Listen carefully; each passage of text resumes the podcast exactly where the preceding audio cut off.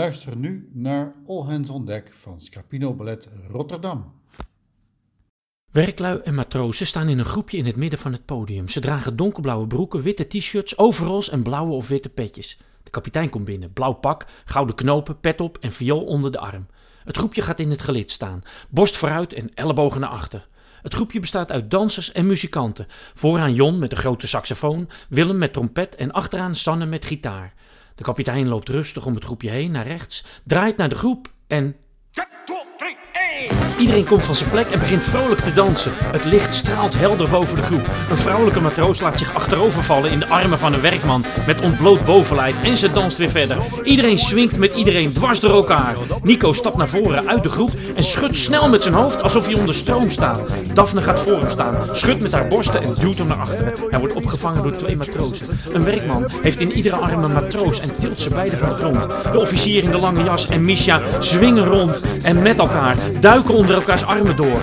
En daar dansen matroos Daphne en werkman Lorenzo hun zwingend duet. Naar en van elkaar met grappige slangachtige bewegingen. Ik spreek vandaag met Arlette Hansson van komthetzien.nl. Volgens mij, toch? Dat is jullie website. Ja, dat is onze website. de organisatie heet Komt het zien. Komt het zien, ja. Uh, uh, en jullie doen, uh, en dat, daar had ik dus nog nooit van gehoord, audiodescriptie bij theatervoorstellingen en bij andere live gebeurtenissen. Voor slechtzienden, mag ik aannemen. Dus mensen die, die blind zijn, maar dan toch iets kunnen meekrijgen van, van de voorstelling. En hoe, hoe zijn jullie daar ooit mee begonnen? Waar, waar kwam dit idee vandaan? Nou, ik ben zelf theatermaker. Ik maak circustheater. En begin 2018 werd ik tijdens de tournee van mijn voorstelling gebeld door een lerares van een blindenschool. Een school van Visio in Graven. En zij vertelde, ik doe op dit moment een circusproject in mijn klas. En ik wil heel graag met mijn klas naar een circus toe. Ja, dat was in een periode dat alleen mijn circus daar in de buurt kwam. Dus van, kan ik met mijn klas naar jouw voorstelling komen? Nou, mijn eerste reactie was, leuk. En een halve seconde later dacht ik, ja, maar circus is hartstikke visueel. Ja. Linde kinderen, een hele klas bij mijn voorstelling. Hoe dan? Nou, toen ben ik verder gaan praten met die lerares en gezegd van ja, dit is hartstikke leuk, maar het is ook heel erg. Wij zijn gewoon niet toegankelijk. Als je nu met de kinderen komt, dan horen ze de muziek van de voorstelling, maar verder zien ze niks. Ze weten echt gewoon niet wat er gebeurt. Ja. Uh, dus we hebben besloten om dat niet te doen. Ja, en toen lag er een enorme uitdaging. En een jaar later, bij mijn volgende productie, uh, toen zaten diezelfde kinderen bij mij in de zaal en kwamen ze mij na afloop vertellen wat ze gezien hadden van het circus. hey. vertel. Ja, um, ja toen, toen die vraag kwam, daarna, eerst gaan denken. Ik had echt geen idee. Uh, gaan denken, gaan praten, naar die school toe gegaan, met de doelgroep gaan praten, blinde mensen opgezocht dan kom je erachter van ja, je moet de andere zintuigen gaan gebruiken. Uh, uiteindelijk hebben we een, ja, een, uh, komt het zien opgericht en een heel, uh, hoe zeg je dat? Ja, bedacht hoe je dat dan wel kan doen. Het bestaat eigenlijk uit drie onderdelen. Het begint al thuis. Mensen hebben een, een ticket gekocht voor de voorstelling. En dan krijgen ze thuisgestuurd een audio-introductie. Hmm. Daarin vertelt uh, de blinde tolk hoe het decor eruit ziet, hoe het theater of de tent, de omgeving eruit zien, ehm, de kostuums, welke spelers er zijn, artiesten of acteurs of dansers. Um, nou, eigenlijk allemaal achtergrondinformatie, visuele informatie, om thuis al voor te bereiden en te kunnen onthouden. Dan op de dag van de voorstelling komen de mensen eerder naar de locatie toe. En daar organiseren wij een inleiding. En wij noemen dat een meet and feel. Hmm. Um, ook daar gaat het weer over het decor, over de kostuums. Uh, die kunnen beschreven worden, maar als het kan met de productie, dan gaan we het, het, toneel op of het speelvlak op om het decor van erbij te bekijken of om met tast te, te bekijken, te voelen dus. Hetzelfde met de kostuums. Als het een, een, toneelstuk is met acteurs die, die spreken, dan laten ze van tevoren hun stem alvast horen, zodat je de, de stem kan herkennen tijdens uh, de voorstelling. Um, ja, eigenlijk alle visuele dingen, dingen die handig en belangrijk zijn, krijg je dus ook al van tevoren. Ja, en dan natuurlijk waar het eigenlijk om gaat, dan de voorstelling zelf. Daar is een blinde tolk, die uh, is live bij de voorstelling. Die zit achter in de zaal of achter in de tent, in ieder geval op een plek waar die onzichtbaar zit voor de rest van het publiek. Die ziet de voorstelling en beschrijft tijdens de voorstelling wat er te zien is. Ehm, en dat horen de blinde en slechtziende mensen via een, uh, een draadloze koptelefoon of een oortje. Zij zitten gewoon tussen alle publiek in. Dus dat kan vooraan zijn voor slechtzienden, maar kan ook achteraan het midden. Maakt niet uit, overal heb je ontvangst van onze apparatuur. En dan horen ze dus buiten het gewone geluid, wat al van de voorstelling komt en wat je in de zaal hoort, of als je wil praten met degene die naast je zit, uh, hoor je dus ook de stem van de blinde tolk, die op de stille momenten beschrijft wat er gebeurt. En dat hmm. gaat dus van uh, decorwisselingen tot uh, lichaamshoudingen, tot emoties die in het gezicht te zien zijn, als althans niet te horen zijn. Bij een toneelstuk waar tekst in zit, kun je in de, de tekst al heel veel horen. Dan hoor je of iemand boos is of dat iemand verdrietig is. Um, maar als je het niet hoort, dan beschrijft onze tolk dat dus, zodat je dat als blinde of slechtziende allemaal meekrijgt. Ja, nou, nou, uh, nou roep ik altijd al jaren dat audio een nieuwe video is. Uh, dat is een beetje mijn mantra. maar, maar uh, um, ik, vind, ik vind dit wel heel grappig. Omdat, ik, moest, ik moest ook gelijk denken toen, toen ik even over de normaalheid van dit. Dat vroeger de Tour de France volgen via de radio was veel leuker dan via de televisie.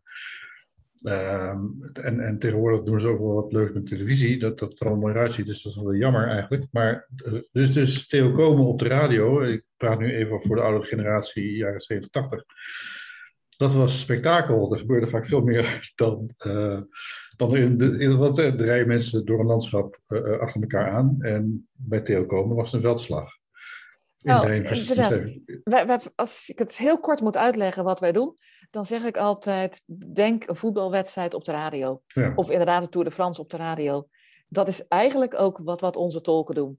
Uh, dus het heel visueel maken wat er gebeurt, maar vooral ook de emotie erbij geven. Want wij vinden theater, uh, nou, en ook sport, is grotendeels emotie. Ja. En dan kun je heel kaal vertellen wat er te zien is. Maar daarmee kun je vaak de emotie niet oproepen.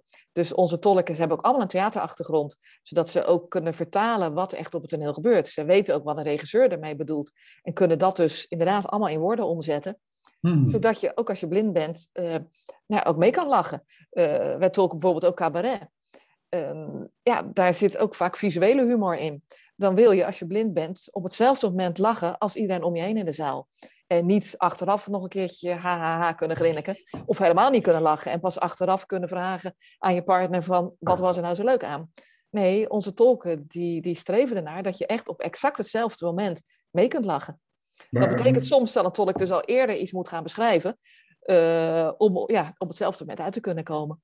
Ja, dan moet je dus eigenlijk weten wat er gaat gebeuren. Dat is een... Ja, onze tolken uh, kunnen improviseren. Daarom zijn we ook altijd live bij een voorstelling. Mm -hmm. Maar het is geen improvisatie. Een tolk heeft de voorstelling van tevoren gezien, heeft een, een, video van de voorstelling thuis, zodat hij die voorstelling heel vaak kan kijken en kan terugspoelen om steeds uh, ja, het heel goed te analyseren. We vragen als het er is ook een script van de voorstelling, zodat de tolk precies weet waar tekst zit. Want een tolk mag natuurlijk niet door de tekst heen praten.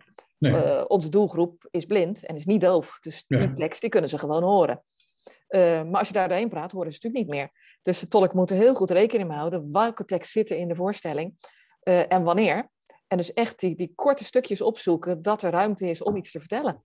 En ja. dan dus ook afwegen hoeveel woorden, hoeveel tijd heb ik, hoeveel woorden kan ik gebruiken. Ja, nou, nou, nou is het natuurlijk wel zo dat ik, ik ken regisseurs in theater en makers in theater uh, die, die nogal zuinig zijn op hun product en uh, daar heel lang over nadenken. En iedere seconde van wat zij met hun acteurs doen helemaal vastleggen, of ja, niet vastleggen, maar dat heeft ook een bedoeling. Um, dan kan, zijn, zijn ze soms niet wat huiverig om dan een, iemand anders binnen te laten die dan zeg maar, door hun werk heen gaat tetteren, om even uh, eerder binnen te zeggen. Ja, soms wel. Uh, en zeker in het begin, want het, het, bestaat nog niet zo heel erg lang. De, de eerste voorstelling met audiodescriptie was in december 2014, dus in mijn okay. eigen circus. Um, dat we andere voorstellingen zijn gaan doen, is pas sinds 2018. Dus okay. het is nog echt heel nieuw in Nederland. Ja. Uh, maar inderdaad, makers zijn soms huiverig ook om een video af te geven en een script. Want oh jee, wat zouden we daarmee gaan doen? Nou, wij hebben zelf allemaal een theaterachtergrond, dus wij weten hoe eng dat is om dat uit handen te geven. Um, en omdat wij dat weten en ook begrijpen, kunnen we dat ook ontkrachten. Kunnen we precies vertellen wat we ermee gaan doen, waarom het nodig is. Spreken wij ook de taal van de theatermakers. Um, ja, en natuurlijk is het voor een theatermaker heel eng om dan mee te luisteren met de audiodescriptie tijdens de voorstelling. Ja. is het eng? Het is een uitdaging. Ehm, Want weigeren ze het ook wel eens? Of, luisteren ze meestal mee met, met jouw scriptie? Of, of? Ehm, eh, vaak wel, ja. Ja, ja. Maar dan moet natuurlijk een, een regisseur van maken wel op dat moment ook bij de voorstelling zijn. Is Ja. natuurlijk niet altijd. Dus als je een lange tournee hebt, dan eh, zijn ze er niet altijd bij. Maar wij vragen altijd van, ook de acteurs die niet de hele voorstelling meespelen, ehm, doe eens een koptelefoon op backstage en, en luister even mee wat er gebeurt. En heel vaak, nou eigenlijk altijd krijgen we na afloop dan de reactie van, jeetje, jullie tolk zie dingen die ik helemaal niet wist in de voorstelling. Eh, gewoon details die ja. je dan van je medespelers helemaal niet weet of van andere scènes. Eh, en die onze tolk dan wel ziet, omdat hij natuurlijk zo gefocust is op alle visuele dingen. En eh, ja, tuurlijk ziet onze tolk soms ook wel iets anders dan dat de maker bedoeld heeft. Mhm. Daarom plannen we, als het even kan, altijd ook een voorgesprek in. Met of de regisseur, of eh, een productieleider, of een voorstellingsleider. Om een aantal dingen ook te checken, dingen waar wij over twijfelen. Van, ja, wij zien het zo, maar hoe is het bedoeld? Aan de andere kant zeggen wij ook, ehm, zoals onze tolk het ziet, die ziet het zoals het publiek het ziet. Ehm, en je kunt als maker hele diepe eh, ideeën erover hebben, heel veel bedoelen. Maar als het reguliere publiek dat niet ziet, eh, waarom zou het blinde dat dan wel moeten weten? Ja. Ehm, dus ja, dan is het zo. Dan vertelt de tolk echt het visuele. Ja, en dan is het aan de blind natuurlijk om het zelf in te vullen. Zoals je als regulier publiek ook doet. ja. En of dat dan de goede invulling is, ja, dat weten wij niet. Nee. Hey, nou, nou is het dan toch wel even heel leuk dat jullie bij eh, Festival Circolo, want daar, daar, daar, daar gaat het, daar, daardoor kwam ik op jullie, omdat jullie daar eh, circus gingen. Dus Ik vond dat eerst al heel raar dat je dan circus doet, maar je komt dus zelf uit circus. Ja. Ehm, ben je als acteur opgeleid of ben je als acrobaat opgeleid? Wat, wat, wat, wat is je achtergrond? Nee, allemaal niet. Oh, Ik heb eh, theaterwetenschappen gestudeerd. Kijk eens aan. Wanneer en waar en hoe en, en, en, en wat? Eh, eind jaren 80. Eind jaren 80, begin jaren 90. Ik ben in 93 afgestudeerd. en waar? In, eh, Eh, Universiteit Utrecht. Oké, nou, daar heb ik ook gestudeerd. Dus ik was in, in, in 90 klaar. Dus nou, Kijk, dan ja. zouden we elkaar moeten kennen. Dus het is heel erg anders kent ons dit. Maar Ja, vertel door. Je hebt Eh, theaterwetenschap. Theaterwetenschap, dus daar hoe kom je als theaterwetenschapper in het circus terecht? Ja, familiebedrijf. Ja, precies. Overgenomen van mijn ouders. Oh, wat leuk. Maar ik heb altijd gezegd van ik wil wel de, de, cir- eerst de naam studeren. Hanson, ken ik, ken ik die dan inderdaad uit het circus? Circus Hanson? Is dat Winters, een... Wintercircus Hansson. Kijk En dat was vroeger Wintercircus Martin Hansson. En de, de laatste twintig jaar was het Wintercircus Arlette Hansson. Kijk. Nou, Ja. dit is, Maar op dit moment reizen wij niet meer. Nee. Ehm 2018 zijn wij met het winter, ben ik met het Wintercircus gestopt. Of althans, ik noem het pauzeren. Want echt gestopt zijn we niet. Mhm. Ehm, want ja, ik had Komt het Zien toen opgericht om dus voor de blinde en slechtziende mensen dingen mogelijk te maken. En dat nam zo'n vaart, want ja, het begon bij mijn circus. Nooit bedacht voor andere voorstellingen. Het was puur voor mijn eigen voorstelling bedacht. Maar ja, toen kwam natuurlijk de vraag van, ja, wij willen ook naar andere dingen. Kunnen jullie ook bij musicals zijn en bij toneelstukken eh, en bij andere circussen? Dus dat zijn we gaan doen. Met als gevolg dat ik twee meer dan fulltime banen tegelijk had. ja. En op adrenaline kom je heel ver, maar uiteindelijk ging dat niet goed. Dus Nee. heb ik een keuze gemaakt en gezegd, ja, ik wil mij gewoon inzetten voor inclusie, voor toegankelijkheid. Ehm, dus ik kies nu voor Komt het Zien. En mijn eigen makerschap, dat staat in de pauzestand. Oké. Nou ja, dat is een interessante on- ontwikkeling. Maar dus, dus want, want uiteindelijk, zeg maar, zoiets opzetten is logistiek natuurlijk ook best wel een ingewikkelde toestand. Want je, je hebt eh, eh, ringleidingen nodig, of in ieder geval. eh, eh, Ja, en dat was in 2018 natuurlijk nog allemaal net wat rudimentairder dan, dan we dat nu al hebben. Ja, nee, we hebben allemaal eigen apparatuur. Wij brengen alles zelf mee. Dus de zenders, de ontvangers, alles wat er voor nodig is. eh, ja, we zijn helemaal zelf-supporting daarin. Ja, Ja. dus flinke, flink, flink, flink, flinke, eh, eh, ja, dan, dan moet je wel flink wat bij elkaar hebben gespaard in de tijd voor zoiets. Ja, nou, in het begin zijn wij eh, gesteund door allerlei fondsen, door met name de Mhm. Blindenfonds en de sociaal-maatschappelijke fondsen. Die hebben we nu trouwens nog steeds nodig. We hopen ooit helemaal op eigen benen te kunnen staan, maar ja, het- we zitten nog in de beginfase. Ja, ja. Hoewel we heel veel doen Ja. hoor. Want op dit moment staan er ruim 60 voorstellingen in de agenda gepland, die we allemaal gaan tolken. Dus het is eh, Hoeveel tolken heb je dan? vier. Vier? Ja. Oké, Ja. ja. dus, dan, dan heb je de druk. Ja, nou, de, de, meeste voorstellingen tolken we vaker. Doen we eh, drie keer, verspreid over Nederland.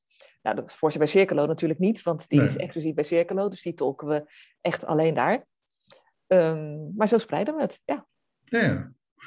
Dus hier vier, vier tolken, 60, voor- 60 eh, eh, eh, events, zeg maar. Dus niet 60 Ja. producties, maar 60 eh, keer.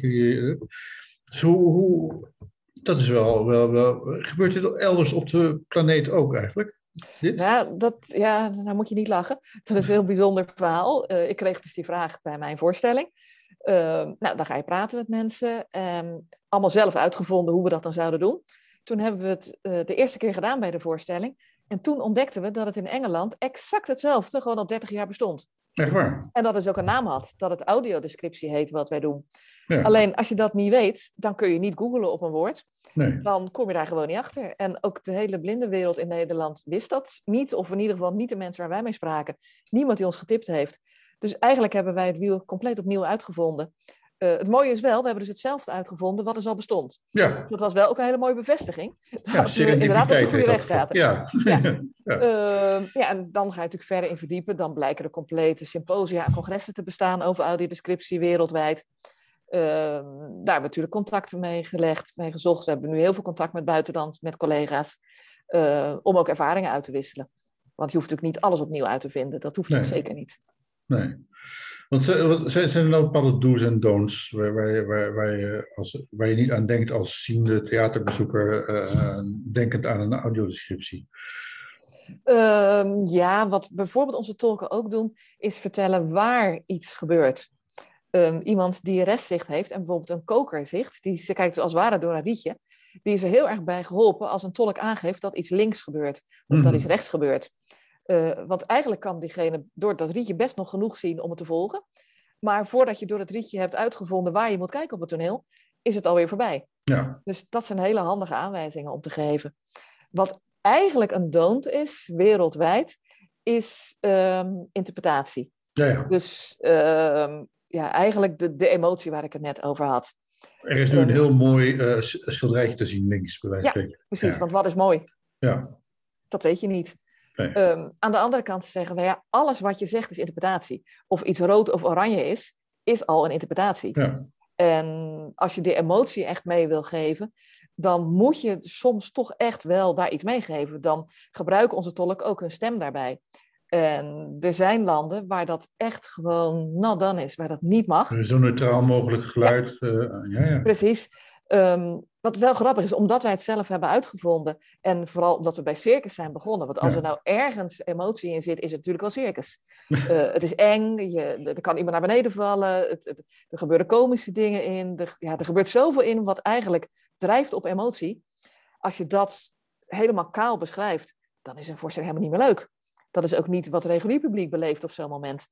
Eh, dus wij zijn van begin af aan erg daarop in gaan zetten, totdat we erachter kwamen, ja, dat mag dus helemaal niet, volgens de regels wereldwijd. ja. Eh, inmiddels is er echt wetenschappelijk onderzoek naar gedaan en blijkt de doelgroep, de eh audioscriptie waar je dus net wat verder gaat, dus zoals wij met het stemmen, meer te waarderen dan de audioscriptie waar het niet in gebeurt. ja. Dus wereldwijd is er nu een tendens dat er dus toch meer geïnterpreteerd mag gaan worden. ja. Dat is wel, eh, wel En grappig. dat, Maar is, goed, dat is door jullie veroorzaakt, begrijp ik. Nou ja, nee.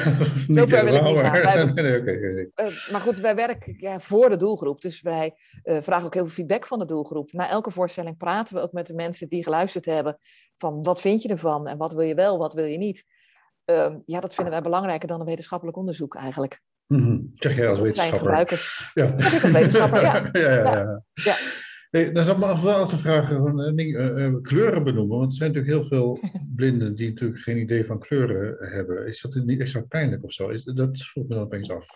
Nou, toen we het aan het uitvinden waren, toen hebben we natuurlijk proef gedraaid. We zijn Ja. naar een revalidatiecentrum gegaan voor blinde en slechtziende mensen. Daar hebben we een laptop neergezet en de tolken zijn gewoon gaan beschrijven wat ze zagen. Het allereerste wat we als reactie kregen van de mensen die toen luisterden, waarom noem je geen kleuren? Hey, Waarop wij zeiden, ja, maar dat zie je toch niet? Wat heb je nou aan kleur? ja. Waarop zij zeiden van ja, maar de meeste mensen hebben ooit gezien. Ah, Er zijn maar heel weinig mensen die echt met 0% zicht geboren worden. Dus bijna iedereen heeft toch wel een idee van kleur. En als je dat niet hebt, dan heb je wel een gevoel bij kleur.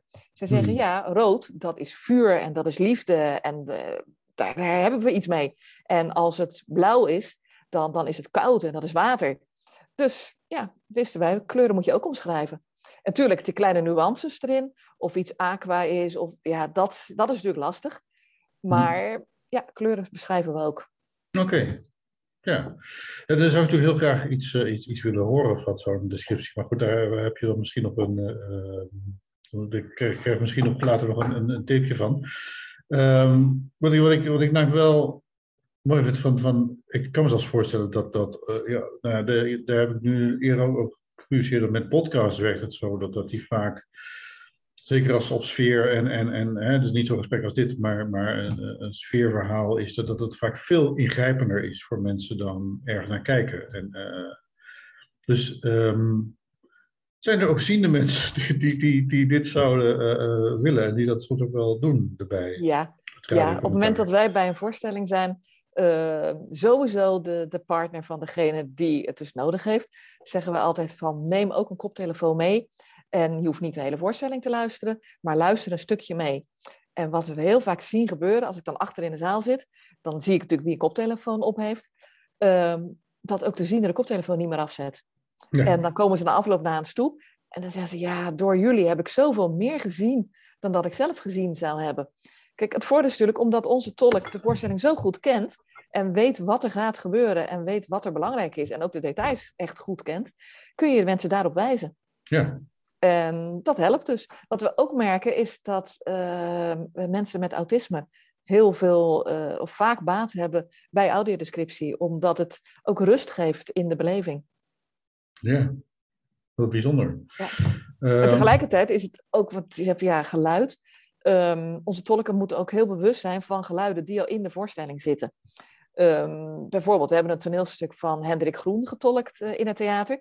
Nou, de, de, directrice, dat is de, de enige vrouw in het stuk die op hoge hakken loopt. Dat hoor je dus in de zaal. Ja. Je hoort, als er, er is er één iemand op hoge hakken, dus dat tik, tik, tik is een heel bekend geluid. Dan weet je dat dat de directrice is en je hoort ook waar ze is op het toneel.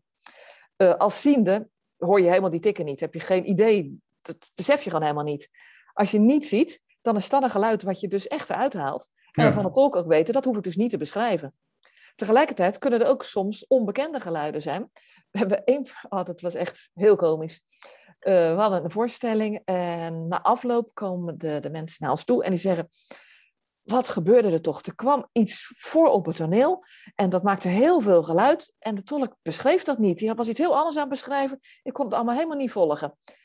Wat bleek nou? Dat was een musical, uh, speelde zich af in een keuken. En voor op het toneel rolde een hele grote kaas over. Dat was een kaas van een meter doorsnee, rond.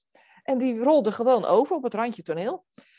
Had helemaal geen functie, was gewoon een leuk grapje van de regisseur. En daarachter ging de scène gewoon door. Hmm. Dus de tolk beschreef de scène, want die was belangrijk. Ja. Maar de blinde, die hoorde die scène niet. Nee, die hoorde die grote kaas overrollen. Ja. Nou ja, daar hebben we van geleerd. Oké, okay, dat gaan we niet op dat moment beschrijven. Maar dat wordt, werd daarna wel in de inleiding beschreven. Van jongens, straks is er heel gek geluid. Dat is een kaas, maar het is niet belangrijk. Daar wordt het wel heel belangrijk van. Maar dan, gaat iedereen toe zitten wachten op die kaas. Nou ja, dat is wel het verschil tussen ja. een ziende en, uh, en een niet-ziende. Dat dat ja. geluiden zijn die je normaal helemaal niet hoort. Uh, ja. Maar die je, als je dus gefocust bent op geluid, allemaal wel hoort. Ja. En dat is ook bij circus. Daar zijn ook uh, een jongleur bijvoorbeeld. Als een jongleur met, met balletjes jongleert en je luistert, dan hoor je het ritme van het jongleren. Want je hoort die balletjes opvangen. Ja. Uh, dan hoeft een tolk helemaal niet te vertellen dat iemand snel aan het jongleren is. Nee, want je hoort dat tak, tak, tak, tak, tak, tak, tak. En als het ja. langzaam gaat, dan hoor je tak, tak. En dan beseft ook al een, uh, een blinde dat de balletjes dus hoger gaan. Want dan duurt het langer voordat ze beneden zijn. Of het zijn minder balletjes. Ja. Ja, jong leren, dat lijkt me nou typisch zoiets. Uh, uh, het is al bijna niet ziende door te krijgen wat er nou precies gebeurt. Van, ik heb het wel eens geprobeerd, maar ik kan het nou niet. Van met mijn linkerhand naar mijn rechterhand een balletje gooien, terwijl ik gelijk daarvoor een balletje opgegooid heb en dat weer opvangen met mijn linkerhand. Nou, ik, bedoel, dat, dat, dat, dus dat soort genialiteit, dat is natuurlijk heel moeilijk over te brengen. Als, als, als, want hij zegt, hij jong leert, zeg je dan. Maar met 15 kopjes? Of met, bedoel, wat, wat, wat, wat, hoe, hoe? Nou ja, daar is de inleiding heel belangrijk voor. Okay, Daarom ja. komen de mensen dus eerder. Uh, nou, als we het even over joling en balletjes hebben, die laten we van tevoren dus voelen. En dan Mhm. laten we iemand ook zo'n balletje omhoog gooien. Ehm, ja, zo, daardoor krijg je al een, eigenlijk een heel goed idee wat er gebeurt. Natuurlijk, een patroon wat gegooid wordt, dat is best lastig. Maar ook daarvan kun je beschrijven van de balletjes uh, vliegen door elkaar heen. Of ze gaan als een soort wedstrijd allemaal achter elkaar aan. Dan worden ze in een soort cirkel gegooid. Ehm, ja, daar denkt de tolk dus van tevoren erg over na. Van hoe beschrijf je dat? En als het heel snel gaat, ja, dan kom ik weer op de emotie. Dan ga, zet een tolk vooral in opdat het zo snel gaat dat je het niet meer kan volgen. Dat je het ook met je ogen gewoon niet meer kan zien wat er eigenlijk gebeurt. Hmm. Ja. En nu ga je volgens mij uh, tolken bij Lucio Smit. Begrijp ik het goed? Ja. Uh, ik heb daar nu al een stukje van zien. Ik, ik ga er ook nog over schrijven. Dus, uh, fascinerende voorstelling, nu al. Met heel veel tekst ook. Maar ja. um, hij, hij, hij, hij, doet natuurlijk ook, hij doet ook uitspraken, niet alleen in tekst, maar ook gewoon in beeld over circus. Uh, dus de, daar zit een heel veel, eigenlijk is de inhoud nog veel belangrijker dan de vorm, hoewel de vorm ook fascinerend is. Hoe, dat, is, dat is natuurlijk weer anders dan gewoon een act. Dus hij, hij, hij doet andere dingen. Dus hoe, hoe pak je zoiets aan? Nou ja, een deel zit natuurlijk inderdaad al in de tekst die in de voorstelling zit. Mm maar die tekst is dan soms weer in tegenspraak met wat hij dan laat zien, zeg maar. Dat is, uh, uh, dus hij, laat die, hij, hij heeft een heel bombastische tekst en laat die heel knullig zien. Klopt, maar op het moment dat je die tekst hoort en een tolk letterlijk beschrijft wat er te zien is, ja. uh, dan weet een blinde hetzelfde. Die heeft dan dezelfde informatie. Oké, ja. Want inderdaad, als dat er heel klein knullig uitziet, dan zal een tolk dat ook zo beschrijven als klein en knullig. Ja. Uh, ja, en vervolgens is het natuurlijk aan het publiek zelf om dat te interpreteren. Ja. Dat, die, dat gaat een tolk dan niet doen. Want ja, dan is het al duidelijk genoeg aan wat je ziet. Ja, Althans, dus... duidelijk genoeg. Ja, als je het niet begrijpt, is het ook goed. Uh, maar dat is bij ziende mensen natuurlijk ook. De ene zal die dieperliggende boodschap eruit halen. En de ander die kijkt alleen maar leuk naar een voorstelling. En ontgaat die boodschap. En dat, ja, ja, dat is niet aan ons. Ja, en kleine kleuren was eigenlijk al een interpreterend woord van mij, wat eigenlijk nog helemaal niet hoeft te passen bij wat Lucio Smit doet. Want volgens mij nee. gaat het allemaal veel verder. Dus. Precies, nee, en ons, kijk, en onze tolk zal het ook nooit kleine kleurig noemen, natuurlijk. Die beschrijft wat er gebeurt. En uit die woorden kun je dus opmaken of het juist heel groot is of heel knap. Ja. Uh, of het alles fout gaat, misschien. Ja, of heel relativerend. Of ja. juist, ja. Okay. Precies. En dat is natuurlijk ook zijn lichaamshouding en, uh, en een gezichtsuitdrukking. Ja. Uh, zijn gezichtsuitdrukking kan natuurlijk al heel veel zeggen. Ja, en dat beschrijft een tolk dan natuurlijk ook. Ja, oké. En dat, is, een... ja, dat is natuurlijk daarna in die balans van hoe ver ga je dan in de interpretatie en in de beschrijving. Ja. ja dat is een afweging. Ja. Hey, als we nou uh, door het luisteren naar deze podcast, dus een soort audiodescriptie van een artikel wat hiernaast komt te staan. Uh, als er nou mensen denken van, ja, ik ben ziende, maar ik, het lijkt mij hartstikke leuk om een voorstelling te zien met die audiodescriptie erbij. Kan dat? Tuurlijk, ja hoor. Ehm, nou, de hele agenda van alles wat wij zijn staat op onze website, komthetzien.nl. Um, het is wel altijd belangrijk om van tevoren aan te melden dat we ook weten hoeveel mensen er komen, hoeveel mensen er mee willen luisteren. We hebben ook genoeg koptelefoons bij ons. Maar ja, wij zeggen altijd graag, luister gewoon een keertje mee, maak het een keertje mee. Ja, nou, dat lijkt me dan een heel goede uh, sluiter voor dit uh, gesprek. Dus ik dank je hartelijk, Arlette. Uh, Hanson. En nou ja, misschien dat dat circus ook wel weer eens terugkomt dan van jullie. Het, circus, wintercircus Arlette Hanson. Ik, uh, vast en zeker. In de, een vorm komt er weer. Ik, ja, ik ben een maker en dat, dat blijf ik ook. Uh, maar ik vind het belangrijk dat uh, eerst heel veel theater en circus echt gewoon toegankelijk is voor blinde en slechtziende mensen. Ja, nou leuk hoor. Ehm, ik, ik, ik, ik, ik, zet hem nu uit. Het is de recording, dus ja. dan, dan zijn we nu on the record. Ben je blij met deze podcast? Laat het blijken met een kleine bijdrage. Kijk op www.cultureelpersbureau.nl/slash doneren en maak ons gelukkig. Dus www.cultureelpersbureau.nl schuine streep doneren.